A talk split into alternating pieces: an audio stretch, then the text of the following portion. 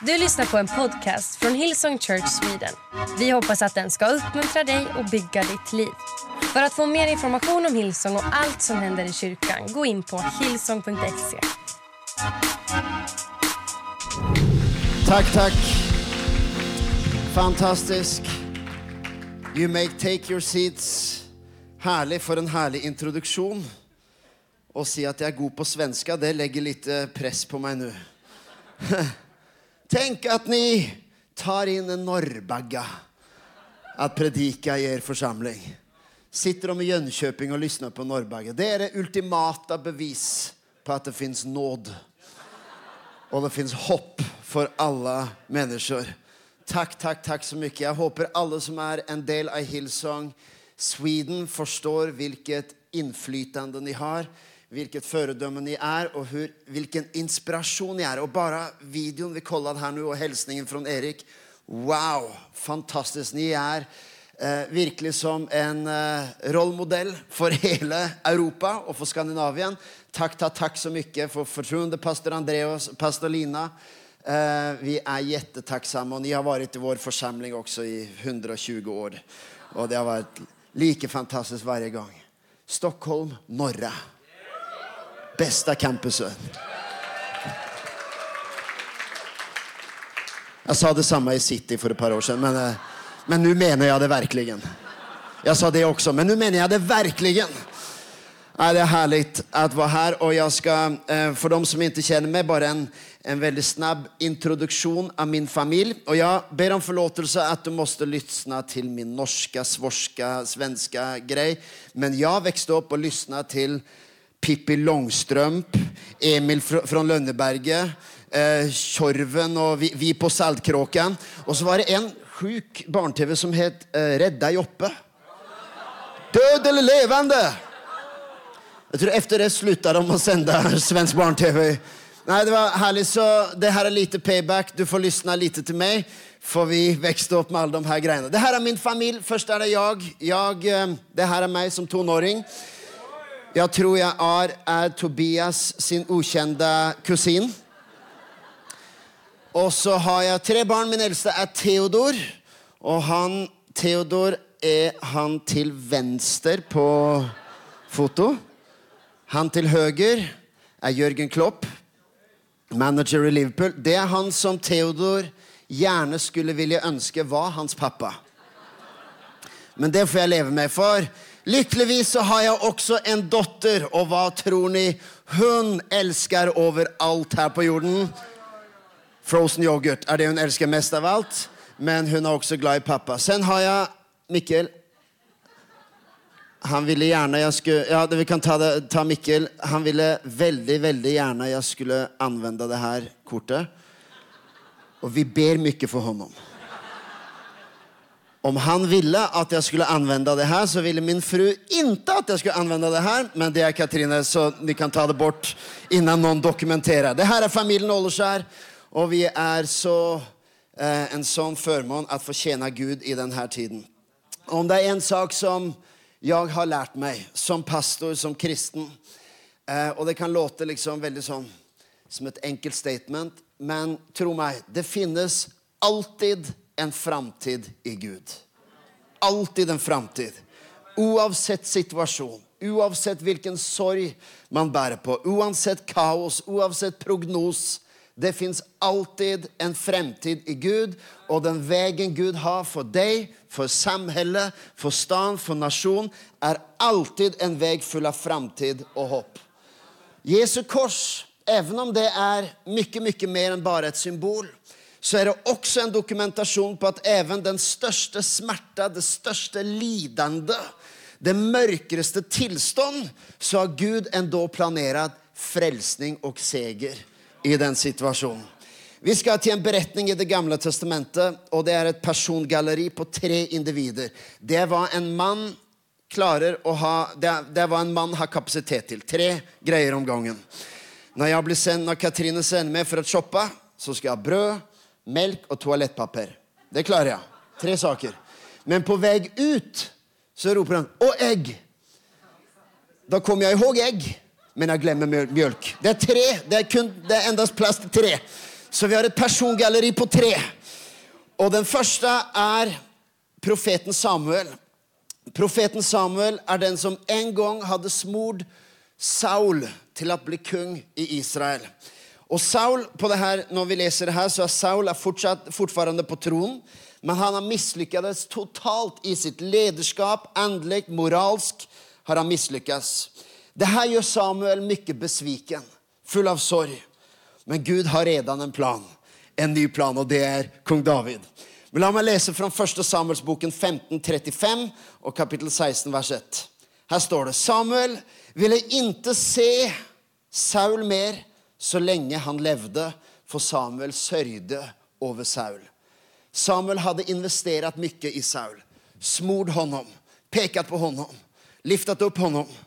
Men nå er han full av sorg pga. det som har hendt med Saul. Så taler Gud til Samuel, vers 1, kapittel 16. Herren sa til Samuel, hvor lenge tenker du sørge over Saul? Jeg har forkastet honom som kung over Israel. Fyll ditt horn med olje. Det er en bra sånn pingstpredikentittel. Fyll ditt horn med olje! Og jeg, Ikke alle forstår hva det er, men det låter riktig heftig. Fyll ditt horn med olje og gi deg av. Jeg skal sende deg til Betlehemitten Ishai, for jeg har utsett en av hans sønner åt meg til kong. Hvor lenge tenker du sørge over Saul? Det er en sånn Innholdet og vikten i den frågan er så sterk. Og Gud liksom, han kommanderer ikke. Nå kan du ikke sørge. Han bare spør hvor lenge har du tenkt å sørge over Saul? Hvor lenge skal du leve i det forflutne? Hvor lenge skal det her få lov å gnage deg? Heter det det på svensk? Gnage? Det er et bra ord. Eller, Gnage. Det, liksom, det dekker hva det er. Om noe gnager i hjertet. Jeg elsker å anvende ord som tolken tykker er svårt å oversette til engelsk. Det fins noen sånne. Ugler i mossen. Hvordan översätter du den? Ting som gnager. Gud frågar Samuel, hvor lenge skal det her få gnaga i hjertet? Jeg vet ikke om, om du precis nå har noe som gnager i hjertet. Det her at jeg fikk inte den samme muligheten som de andre fikk. Kanskje er det noe med farsdag som, som, som pastor nevnte. Kanskje gjør, eh, kan det finnes noe som gjør vondt. Hvor lenge skal det få dominere ditt liv? Hvor lenge skal det mistaket du gjorde, få plage deg og prege ditt liv og ditt syfte og settet du tenker om din fremtid? Hvor lenge tenker du sørge over Saul? Hvor lenge sier Gud, skal et kapittel som er slutt, fortfarande få lov å dominere ditt liv. Guds ord leder oss alltid att kolla framåt, se framover. Och jag, jag vill säga det, det är så mycket mer än liksom bara en sån selvhjelpsprincip eller en vacker mental idé, liksom mental styrka, luta framåt, luta framåt. Nej, det är ett så tydligt mönster i det kristne evangeliet. Det er innvevd i det å komme til tro på Jesus, er at Gud gjør noe nytt. Det er ikke bare en nice one-liner eller en slogan. Det er virkelig en åpenbarelse. At forstå at i Jesus Kristus hender det noe nytt. Når du kom til tro på Jesus, så sier Bibelen 2. Korinterbrev 5,17 at om noen er i Kristus, er han altså en ny skapelse. Det gamle er forbi, noe nytt har kommet. Det er ikke motivasjonstall, det er evangelium. Gud gjør noe nytt. Det står i den engelske 'the newness of life'. Det er noen med livet i Den hellige ande som bærer med seg en newness. Det funker ikke helt på norsk-svensk. Nyhet. Nyheter.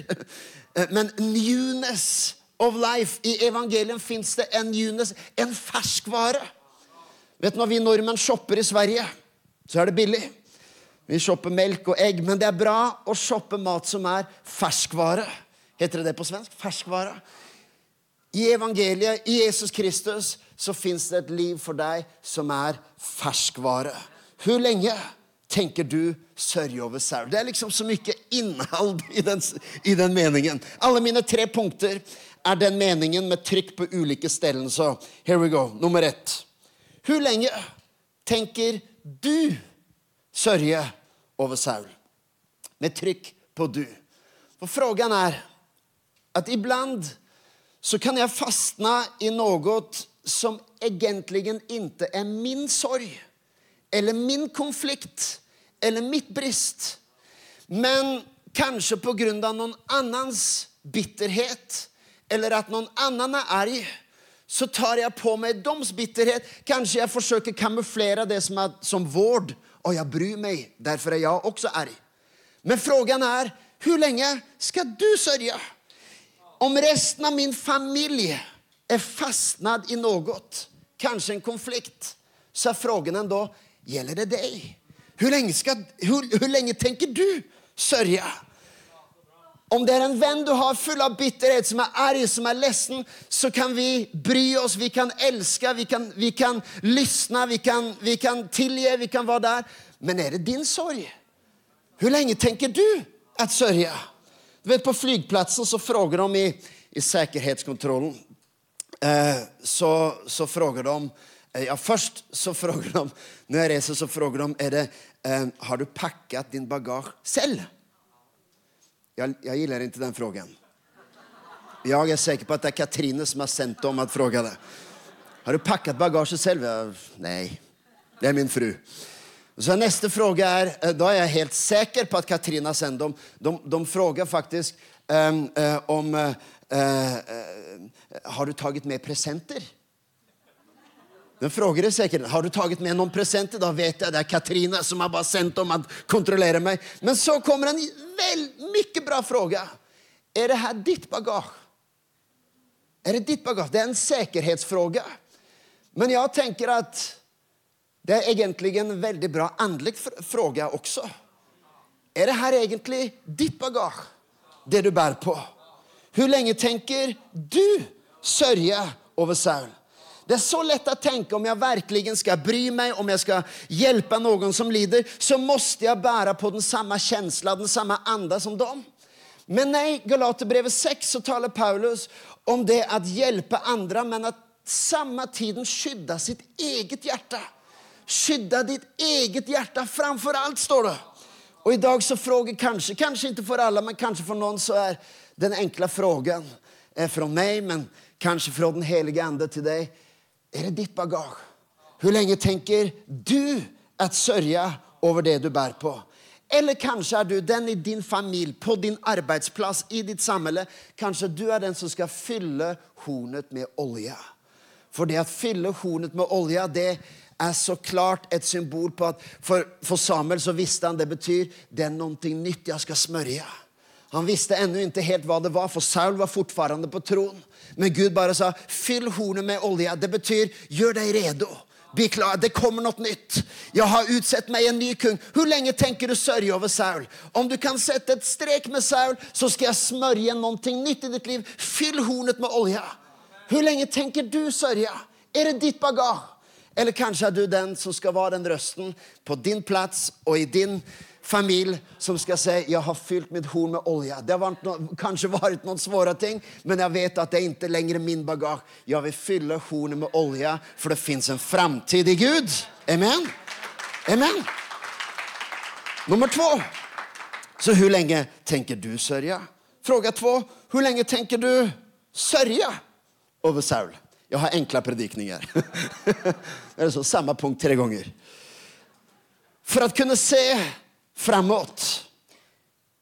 I livet, i kyrkan, i din kallelse så kan det vara mycket svårt, liksom, kanske du lyssnar till det jag har sagt så långt och du tänker det är mycket svårt att liksom bara radera från minnet det som är svårt.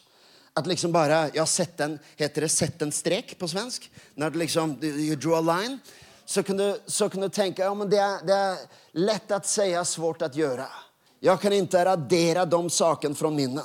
Det kommer upp, enten jag försöker inte tänka på det, inte tänka på det, inte ha fokus på det, så kommer ändå upp det som är svårt. Heller inte för Samuel. Så tror jag att Gud säger, du måste radera Saul från ditt minne. Det är inte vad Gud säger. Frågan är, hur länge ska ditt minne om Saul och berättning om Saul bara vara en berättning om sorg? När Israel lämnar Egypten, de lämnar slaveriet, de lämnar det förflutna. inn i den framtiden Gud har for dem. Så säger Moses säger till folket, när de står där och vet inte helt, de, de ser inte helt sin framtid för de står framför ett stort hav. Och bakom dem ligger Egypten. Så säger Moses så här i andra Moseboken 14.13. Var inte rädda. Stanna och bevittna den frälsning som Herren idag ska ge er. Och lyssna. Så som ni ser egypterne i dag, skal ni aldri noensinne se dem igjen. Hva er det Moses sier til folket? Han sier ikke at fra og med i dag skal ni aldri mer behøve tenke på Egypten. Det er ikke hva han sier. Fra og med i dag skal jeg magisk gjøre et triks. Så skal jeg radere de minnene. Og du behøver aldri, aldri mer enn du. Du kommer å si, Egypten, var er det? Jeg vet ikke.' Nei, det er ikke hva Gud säger. Det Moses sier, er at fra og med i dag skal ni få et nytt perspektiv på, på beretningen. Noen, ibland så ser folk, eh, liksom, Thomas, forsøk att ikke ha fokus på det negative. Forsøk att ikke ha fokus på det her. Men vet du hva? Jeg tror at i Gud så er det ikke Jeg, jeg har upptäckt det ikke alltid lett når man har fokus på noen, på noe, og noen sier 'forsøk ikke ha fokus. Og jeg liksom, da, det er jo det som er problemet. Jag har fokus på det. Det är som när någon säger, ah, du måste inte bekymra dig. Så är det så, ja, jag vet ju det.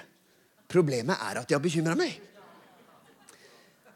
Så eh, den, det kan være lite irriterende. Ikke bekymre deg, ikke bekymre deg. Ja, du vet ikke hva jeg har bär på. Du har ikke mitt budsjettansvar, du har ikke mitt egendomsansvar, du har ikke det økonomiske ansvar. Forsøk ikke å bekymre deg. Med mindre personen som sier det har informasjon som jag inte har. da er det relevant. Om noen sier 'ikke bekymre deg', og de har informasjon jeg ikke har, da fins det vikt og tyngd, Da er det troverdighet i det de sier. Når, vi, når jeg kollar sent på søndagskvelden, og vi er ferdig med kyrkan og det har vært noen fotbollsmatcher jeg ikke har sett så skal jeg se dem in, in recording. Så jeg skal liksom se dem. Eh, eh, og mine barn vet hvor det ender. De vet hvor det går. Och jag kollar på mitt lag, eh, kollar på mitt fotbollslag och de ligger under 1-0. Og jeg sitter i min sofa, jeg ser alt liksom i replay. Men jeg, jeg, jeg, jeg har sagt til alle ikke si hur det går. for jeg, vil liksom leve meg gjennom følelsene. Ja, det er sjukt, jeg vet. Men så, men så havner vi under. Og så blir jeg arg og så, ah, det her ser ikke bra ut. Og så ser jeg på mine barn. De, och det är som om hela deras ansikte lyser. Pappa, vi vet hur det ender Var inte rädd.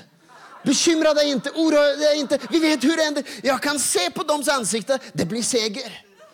De försöker. Så de har information jag inte har. Gud är alfa och omega. Han har information vi inte har. Han är den enda som kan säga, jag vet hur det ender Oroa deg inte. Men någon säger försök inte ha fokus på det negativa. Vel, jeg tror at det mirakel som Gud vil gjøre i oss, kanskje for noen spesielt, så er det ikke sikkert at det er å ta bort alt ditt fokus om det som er ondt, men endre ditt perspektiv. Kanskje han ikke vil radere ut minnen av saker som er svåre, men han vil gjøre noe med ditt perspektiv på beretningen. Hur lenge vil du bare sörja? Hur länge ska det bara få bli ett sorgfullt minne? Eller kan det istället även bli en markering av det du övervann? Du vet, idag så firar Israel sin utvandring från Egypten. De vill aldrig, det ordet som Moses sa til folket, det kom i oppfyllelse. Som ni ser beretningen i dag, skal ni aldri se dem igjen. Det skal bli et nytt perspektiv på beretningen. Denne sommeren så, ehm, jag har fått tillatelse att, eh, att eh, det her, men jeg har en lillesøster. og vi hadde noen år som var mye, mye svåre for henne. Eh, hvor hun strevde med selvskading og mentale eh, lidende og sykdom. Og det var noen år som var mye, mye svår for henne og for mamma og pappa og for familien. Eh, jeg skal ikke berette hele historien, for det her, jeg kan redan berette for dere at det ender med seger. Hun fikk midt i sin psykiska eh, sykdom, så fikk hun også kreft på sin eh, eggstokk, altså det som gjør at du kan bli gravid, så hun skulle egentlig ikke ha barn. Nå, For bare et par måneder siden fødte hun sin tredje og har det jättebra. Hun er frisk. Så det er herlig. Så det, det er i seg selv en, en eh, nydelig, en fantastisk eh, berettelse. Men i sommer så satt vi i solen, i den norske solen. Så ler de. norske solen. Ok. Uh, og så, så koller jeg på armene til Madeleine, min lillesøster. Og eh, jeg, på hennes arm så er det masse, masse arr fra den tiden. Og jeg, jeg, liksom, jeg satt der et tak og, og det på armen, og så tenkte jeg liksom ah, det der var en hemsk tid. Og den armen ble liksom et minne om hvor hemskt det var. Og, og, jeg satt liksom og ble kanskje litt melankolsk. at liksom, åh, det der var en hemsk tid. Takk Gud at det er over, men Gud hva det var ondt. Men så kjente jeg også Det var, det var ikke da jeg fikk denne predikenen, men, men enda så var det på, på et sett som er som sa Hvor lenge skal du sørge? For faktisk er det så at ja, det gjorde ondt. Det var hemsk. Hemskt. Det var ikke godt. Men i dag, i stedet for å liksom tenke at ja, djevelen fikk de årene Det var liksom fire-fem år bortkastet. Djevelen fikk dem i hennes liv. I stedet så tenker jeg at de samme arrene, de sårene, det er en markering, et minne om hvilke djevler vi overvant. Så jeg tar tilbake de årene og ikke liksom bare tillåta at det blir mitt narrativ. At ja, djevelen fikk de årene. Han fikk ti år med det her. Han fikk min oppvekst. Han fikk mitt jobb. Han fikk denne situasjonen. Mitt ekteskap gikk feil. Eller kan det være så at du står her og du kan si ja, visst var det ont. Jeg kan ikke radere det fra minnen, men jeg skal få et perspektiv. Det skal bli en markering at jeg står her! Jeg har overvunnet gjennom det der! Jeg vil ta det tilbake! Derfor står det i Fesebrevet 6.10 Ta derfor på er hele Guds rustning. Og så gilder jeg elsker denne meningen. Så at ni kan holde stand på den onde dagen og stå opprett etter at fullgjort alt. Når jeg leser det verset, så tenker jeg alltid på sånn bokser. Du vet når de løfter Du vet Rocky. Rocky Balboa. Når, når han løfter sitt belte så vil jeg at Det beltet er jo liksom Det er jo, det er jo ikke for at det skal matche byksene. Det, det representerer jo en tittel. Det er en identity. Men ofte når du ser en bokser som presis har vunnet et mesterskap eller en tittel, så står de liksom med det herre De er svettige, og så er det blod, og så er det lite arr, og så er det lite svulnader, og så er det lite eh, blåmerker, og så er det lite sår. Men de står der liksom 'Jeg vant'. Tappet et par tenner. liksom. Jeg vant. Jeg tenker alltid på det, på et sånn type image, når jeg leser dette her verset. For hvor lenge skal vi sørge over blåmerkene. Kanskje fins noe sånt i livet, noen blåmerker, noen erg gjennom din vandring. Og det kan være liksom hver gang kommer det opp en melankolsk ande hvor vondt det var. Eller kan det være så at du blir stående, ni kan holde stånd på den onde dagen. Som betyr at ja, er det noen blåmerker, er det noen svulnader, er det lite blod, er det noen ær, men i stedet for at det bare leder til sorg, så er det en påminning om hva vi overvann. Her står jeg med min identitet i Jesus Kristus. Og når jeg kaller på Jesu blod og Jesus sår og Jesu blåmerker, så er hans lidende en påminning om den seger han vann for meg.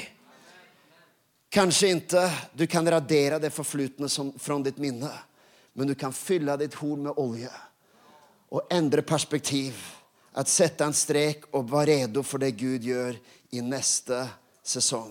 Det behøver ikke denne prinsippen bare være negative greier. Onde minnen kan også være gode tradisjoner. Sanger. Greier som du savner. Hvor lenge skal du sørge over at den tiden er over? Kanskje var det en sesong du i kirken også, even i din kallelse, du gjorde visse greier og liksom in your mind så er det som om du alltid kom tilbake til ja, den tiden, da var jeg produktiv. Den tiden var det bra. Den tiden gjorde jeg det. Hvor lenge skal du sørge over at den tiden er slutt? Fyll ditt horn med olje. Gud gjør noe nytt. Hans smørjelse er fortfarande over deg, men den tiden er over. Sett en strek. Det kapitlet er slutt. Gud har smurt deg, og han vil du skal fylle hornet med olje. Vær takksom for det som hendte da og redo for det som Gud gjør nå i deg. Her er det tredje og det siste. Hvor lenge tenker du sørge over Saul? Fortfarande engelsk-norsk predikan. Hvor lenge tenker du sørge over Saul? Hvor lenge tenker du sørge over Saul? Hvor lenge tenker du sørge over Saul? I judisk tradisjon så fins det noe som heter en sørgetid. Det er faktisk så, du, du finner det mange steder i Bibelen. En av dem er 5. Mosebok 34. Hvor det står at Israels barn sørgde Moses på Moabs heder under 30 dager. Sedan var gråtens dager i sørgetiden efter Mose slutt. Så hva hender her? Jo, det er 30 dagers sørgetid. Liksom, klar, ferdig, gå. Nå kan du sørge. Og så etter 30 dager Jeg, jeg undrer hvor det ända. Var liksom noen som eh, blow a whistle eller liksom, liksom hei, alle bare greter, Det gjør så vondt. Og noen bare Hei, hei, hei! hei, hej. Det, er, det er over nå. Kan vi gå og bowle? Och, ah, ok, Er det ferdig? Er det slutt? Ah, ok, ok, Ah, bra, ah, bra. Ah, herlig.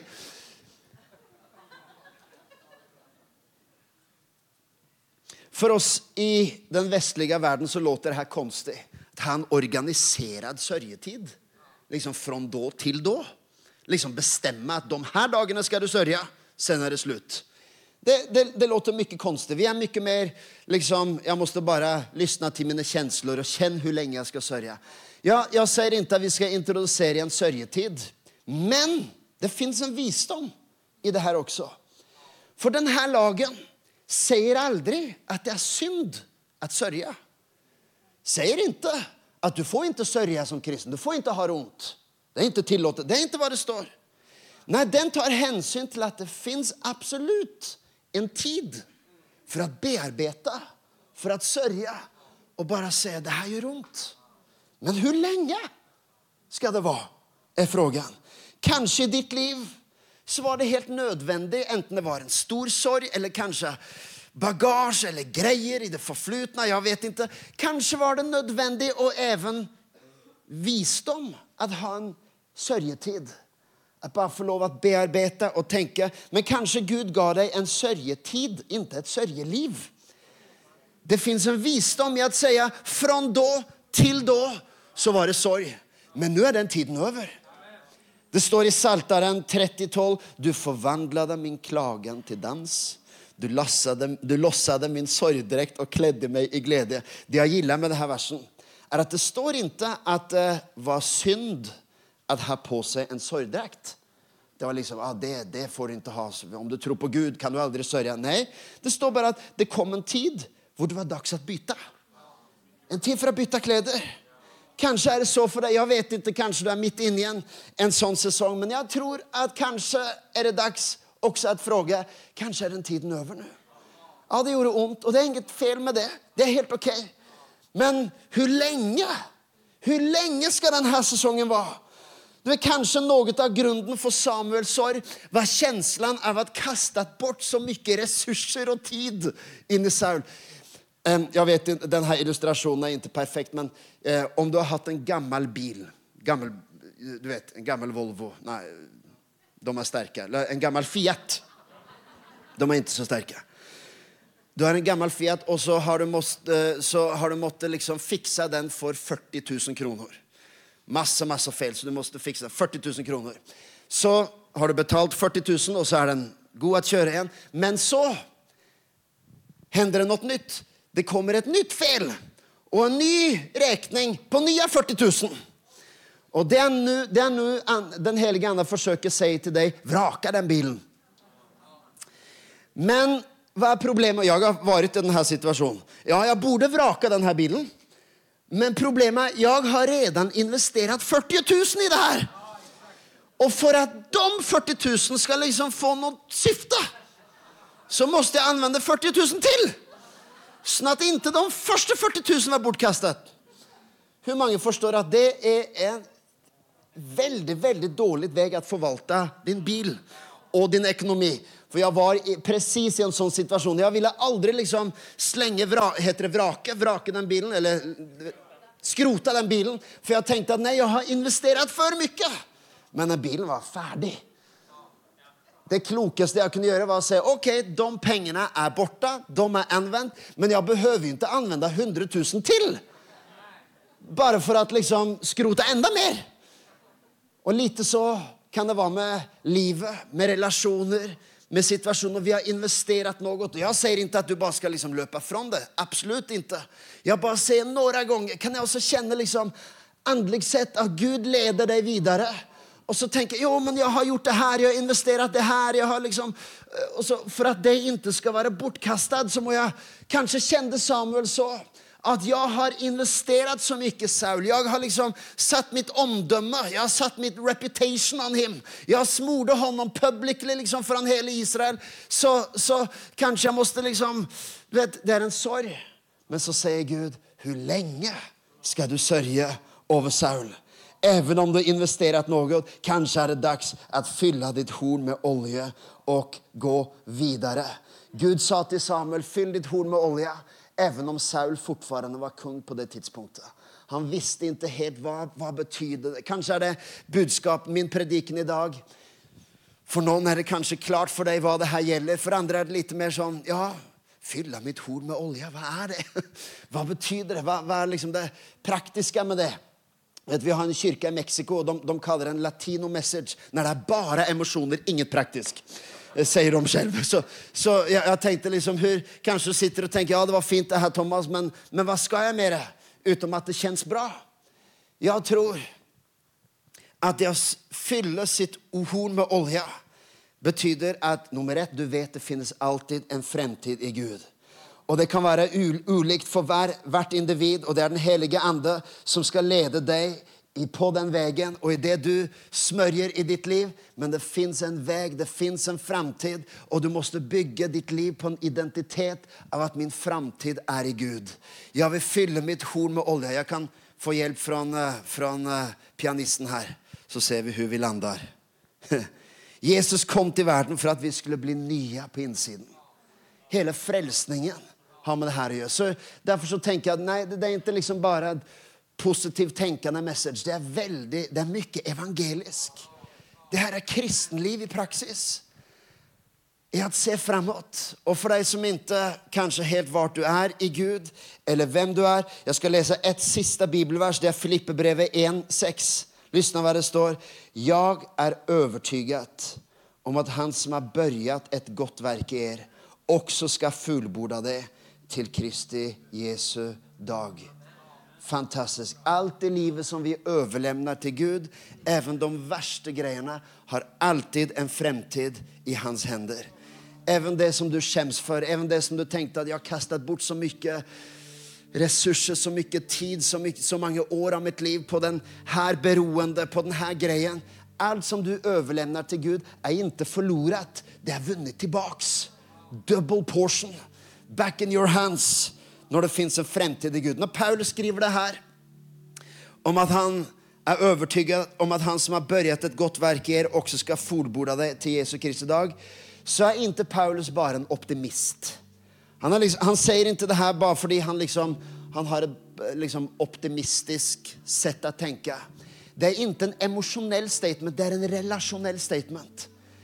Det er på grunn av hans relasjon med Gud det är Gud, han er förtroende. Det är inte optimism. Tro är inte optimism. Tro är en relationell kraft fordi du känner Gud. Du vet hur han, er. Du vet hur han virker. Och du vet att det som är överlämnat i hans händer, det blir fullbordat. Det finns en framtid for, det finns en plan for. Det fins en plan for din kallelse, for dine gåvor. Kanskje er det, det her er kanskje litt mer åt noen, av, noen av oss som er litt äldre. Men jeg vet, vi har, vi har liksom alle generasjoner i vår kyrka også. Og jeg vet at om du har vært kristen lenge, kan det finnes kapitler som ikke bare var onde, men som var gode. Du lengter tilbake til noe. Og den gangen det var vekkelse i den stand. Den gangen jeg opplevde det der greiene. Hei, du kan nyte og si var tacksam. Det var det. Det var kjempebra. Du behøver ikke snakke deg ned. Men nå er jeg her. Bygg denne kyrkan i det Gud gjør i meg nå. I dag. Det fins alltid en framtid i Gud. Alltid en framtid. Og jeg tenker at det gjelder even for deg som ikke kjenner Jesus, som ikke helt vet om du er en kristen.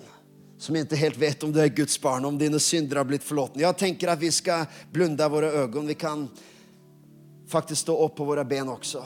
I Jesu navn. Så skal jeg straks be be en av deres pastorer komme og gjøre en invitasjon. Men jeg har lyst til å be en bønn for dere gemensamt først. Og det jeg har lyst til å be for dere, det er at jeg håper at det her budskapet kan ha vært i oppbyggelse for alle, at det er relevant for alle. Men jeg vet også, du kan liksom bare kjenne det, og du vet i ditt hjerte at for noen så er det også kanskje spesielt åt deg. Det er dags å sette en strek. Det er dags at ok, se at det var det, men hvor lenge skal jeg sørge? Hvor lenge skal jeg sørge? Hvor lenge skal jeg sørge? Eller hvor lenge skal jeg sørge? Är det dags att gå vidare för en utav dem. Om vi blundar våra ögon över hela församlingen så ska jag bara fråga om det här budskapet, om du önskar den här datumet, första söndag 12 november 2023 og i tro, og som et statement of faith og et statement av tro, ønsker å se i dag setter jeg en strek. Jeg vil ikke lenger bare sørge over denne greien. Jeg vil fylle mitt horn med olje og gå videre i det Gud har for meg. Kan du løfte din hånd om det er deg rundt omkring i hele forsamlingen? Jeg takker deg, Far i himmelen, for din kraft virker på dette stedet. Din ande taler til individer. Jeg takker deg for at med det her statementet of faith så kommer det mirakler. Takker deg for mennesker som fyller sitt horn med olje. Även de som er på online-campuser i Örebro, i Jönköping, i Göteborg, i Malmö. Jeg takker deg, Far i himmelen, for at vi kan få lov å strekke våre hender til deg og si, Gud, du gjør noe nytt. Du har gjort meg til en ny skapelse. Det gamle er borte. Takk, Herre, for at hele ditt evangelium, din frelsning, ditt kors roper ut at det fins noe nytt. Det fins forlåtelse. Nei, kanskje går det ikke at radere fra minnen, men jeg kan få et nytt perspektiv på min beretning, og jeg kan gå framåt i alt det som Gud har for meg.